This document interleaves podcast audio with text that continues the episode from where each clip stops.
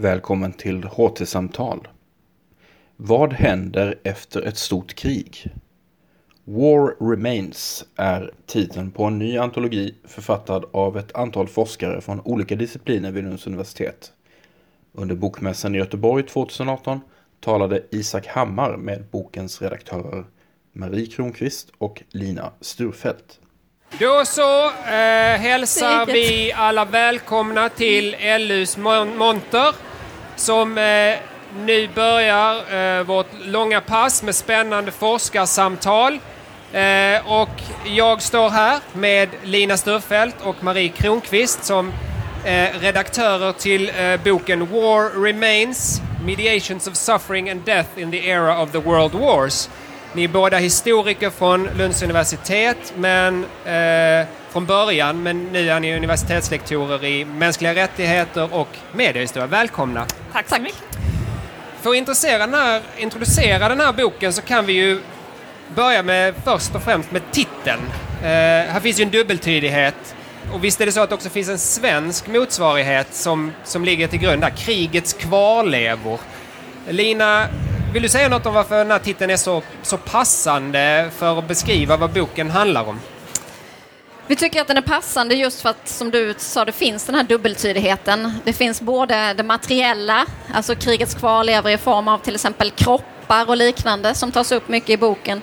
Men också eh, mer i minnet, alltså kvarleva i betydelsen minne, som någonting som lever kvar eh, och bearbetas, förmedlas av olika medier, även långt efter att själva kriget har tagit slut. Så man kan säga att det finns både en lite mer bokstavlig mening i det här med kvarlevorna mm. eh, och det finns också då mer av det här med spår av kriget och hur man har kommit ihåg kriget. Mm. Och den är ju, på engelska finns ju dessutom den här dubbeltydigheten i att det både är ett verb och ett eh, substantiv. Mm, Marie, som många projekt så, så börjar den här boken också med alltså, gemensamma intressen hos forskare.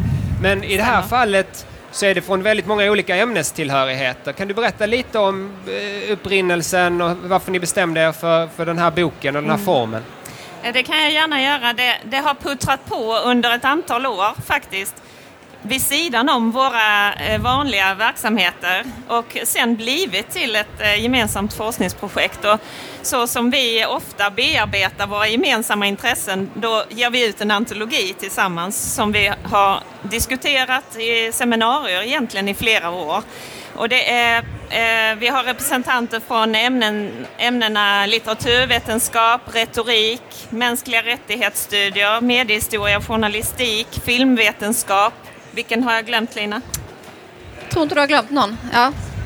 Så, Förlags... eh, förlagsvetenskap har vi här representerat, eh, Sara som står här bak. Så det finns, det finns många perspektiv i denna boken och det, det var också väldigt viktigt för oss att det var ett tvärvetenskapligt projekt från, från början också så att frågorna kan ställas eh, utifrån många olika kompetenser och kunskapsområden. Mm. Det som läsare märker man ju genast att den är väldigt perspektivrik.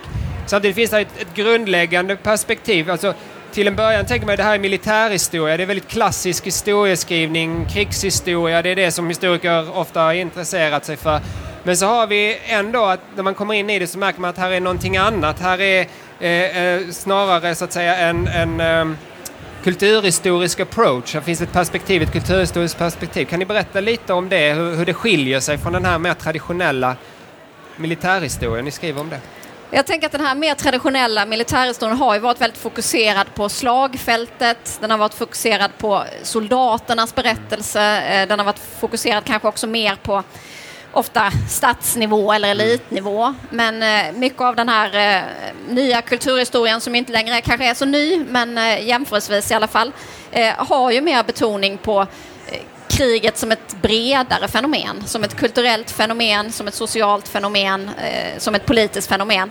Och det var väl lite det vi ville fånga i den här boken, att vi ville ge ett brett perspektiv på vad krig är och vad en krigserfarenhet kan vara.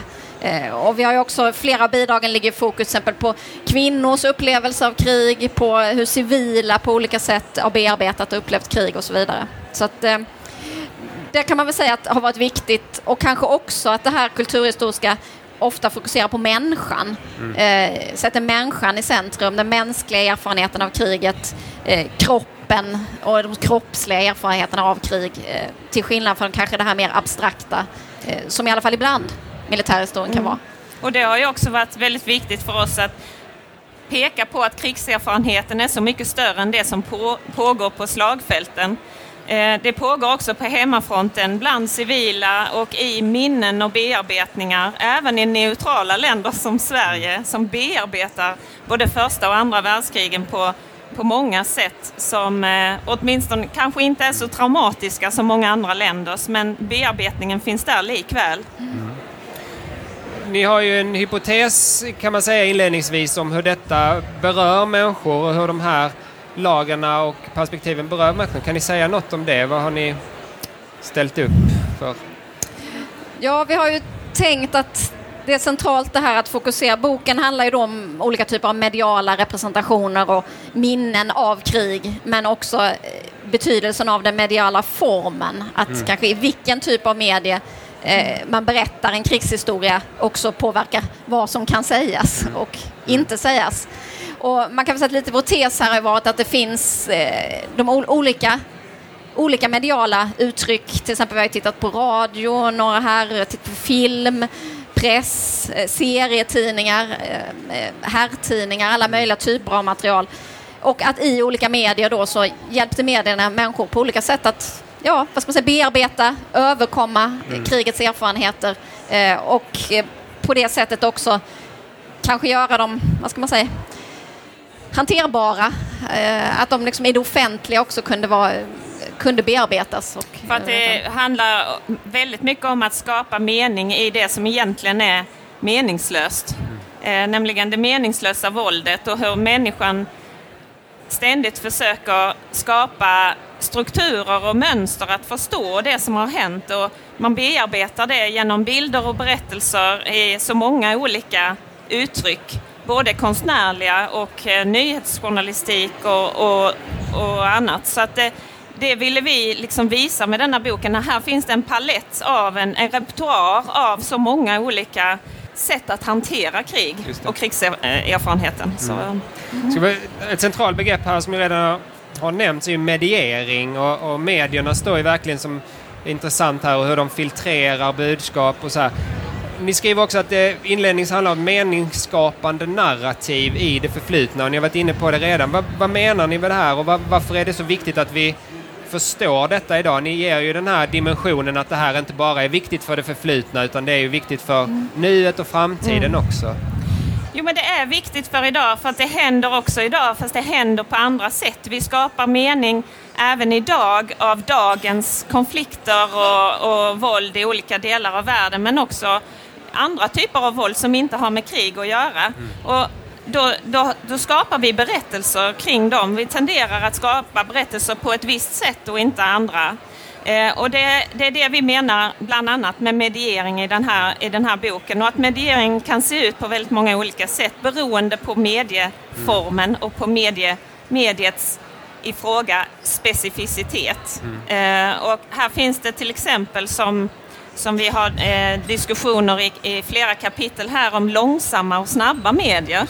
Som ett långsamt medium som Sofie Kvarnström skriver i sitt kapitel om eh, den skönlitterära romanen och novellen som ett långsamt medium. Det tar lång tid att skriva, det tar också lång tid att läsa. Och i ett annat kapitel så har vi en eh, forskare som heter Kristin Skog som skriver om radio. Och radion är ett mycket snabbare medium och skapar mening på ett annat sätt.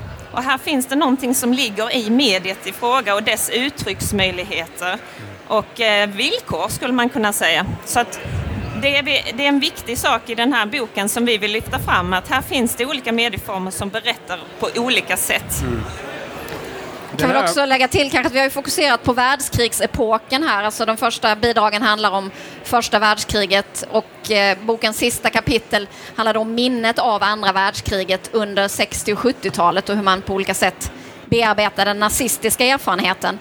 Eh, men tanken med det är ju dels att vi menar att den här typen av eh, ramar som skapades under världskrigsepoken för att förstå och förmedla krig, att den på många sätt också lever kvar idag. Mm. Så att på det sättet så finns det ju en aktualitet också i att titta mm. på den här stora eh, totala krigets era eller vad man vill kalla det för någonting. Ja, och den eran den bestämmer väldigt mycket av hur vi tolkar globala konflikter idag. Mm. Eh, är det ett tredje världskrig på gång? Det ställs ju sådana frågor eh, ibland och då, då är det ju mot bakgrund av det, den erfarenheten som vi har från 1900-talet. Så det är en väldigt viktig epok för att förstå vår tid. Mm. Det, det, blir liksom en väv det här när man hör er prata och när man läser boken. Alltså, det är många olika nivåer. Vi har å ena sidan den här tvärvetenskapligheten som, som ger en mångfald av perspektiv men sen har vi också medieformerna och du nämnde ju Sofie Kvarnström här och just den här med den långsamma läsningen. Hon skriver tror jag att eh, den skönlitterära boken är ett medium som bjuder om till, till omläsning. Och inte för att hitta de här tvärsäkra svaren utan för att, eh, för att den historiska vittnesbörden, hur den talar till nuet. Mm. Och det känns ju väldigt relevant, i, mm. inte minst med ett klicksamhälle och den medieform som vi har. Mm. Men kan ni säga någonting om det här med både tvärvetenskapliga och liksom den här mångfalden av, av, medieformer. Hur närmar sig forskare olika de här frågorna på olika sätt? Kommer man fram till samma sak? Finns här en gemensam kärna? Jo, men framförallt så, eh, så närmar man sig det med olika metoder och eh, teorier. Mm. Eh, och där har vi haft väldigt mycket utbyte av varandra när vi har diskuterat de här bidragen tillsammans och gett varandra tips på så här skulle man kunna läsa ditt empiriska material eh, utifrån min horisont. Och den typen av utbyte mellan forskare, mellan discipliner, det måste vi se mer av tror jag. Mm. Eh, för att det ska bli den här komplexa bilden som vi vet finns där och som måste lyftas fram. Då kan man inte fokusera alltid bara på en Eh, en disciplin med ett ramverk, ett teoretiskt ramverk, ett metodologiskt ramverk alltid. Utan för att förstå någonting som här komplext så får man ha många ingångar. Mm. Man kan väl säga att lite tyckte vi också att ja, vi hade noterat på något sätt en brist, till exempel att det finns ju väldigt många historiska studier som handlar om minne och krigsminne naturligtvis, men att den typen av studier kanske inte alltid hade en så eh, avancerad tankar kring medieteori eller media och så vidare. Nej. Och motsvarande medievetenskap som sysslat eh, på olika sätt eh, med eh, krig kanske inte alltid har så tydligt historiskt perspektiv. Så på det sättet kan man väl också säga att när vi då gick in och möttes forskare från olika discipliner så kände vi väl också just som Marie sa att det befruktade vartannat på många sätt. Och, Ja, och er bakgrund också tänker jag att ni, ni är båda skolade historiker och sen har ni vi gått på olika gått håll. olika ja. håll men liksom kunnat ta med kunskapen men möta den med nya. Mm. Lina, du skriver ju om, om Rädda Barnen under 1920-talet och så beskriver du om betydelsen av någonting som kallas moralisk blick och, och hur text och bild skapar ett vad man kallar humanitärt bildspråk eller humanitarian imagery. Mm det är någonting som jag tror många av oss intuitivt kan också känna igen att vi möter idag. Vad handlar det om och hur uppstod detta bildspråk som, som verkar så centralt? Ja, jag skulle säga att det handlar ju mycket om den här också tron på det visuella. Att det mm. visuella är så centralt för att vi på olika sätt eh, tar till oss Eh, då krigets lidande och som Rädda Barnen i sina mediekampanjer hoppades också skulle få oss att bekämpa det lidandet. Att genom det här moraliska bildspråket med väldigt fokus då på till exempel medkänsla, att skapa eh, medlidande med bilder till exempel av svältande barn som krigsoffer.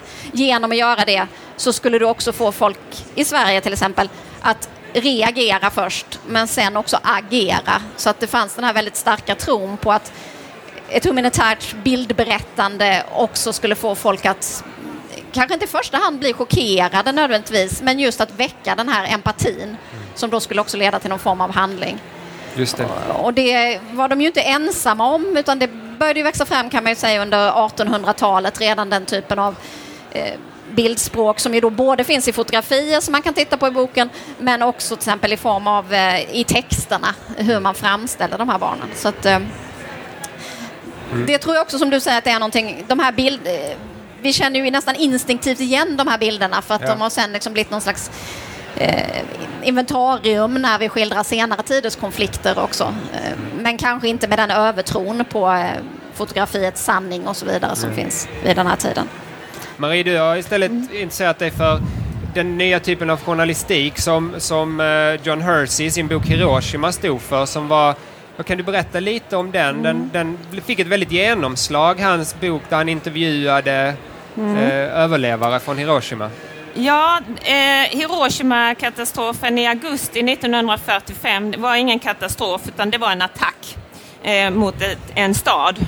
Eh, och eh, det som skilde den här journalisten som jag har tittat på, John Hersey, som skrev eh, ett reportage i tidningen The New Yorker 1946 som blev enormt uppmärksammat. Eh, det som skilde hans reportage från tidigare amerikanska berättelser om Hiroshima var att han fokuserade på människorna och inte på de materiella skadorna. Eh, och absolut inte på den här berättelsen om att med Hiroshima så avslutades andra världskriget och den amerikanska segerberättelsen. Han vände sig väldigt mycket emot, eller snarare fokuserade på någonting annat genom att lyfta fram sex personer, sex överlevare som försökte överleva under detta året efter Hiroshima.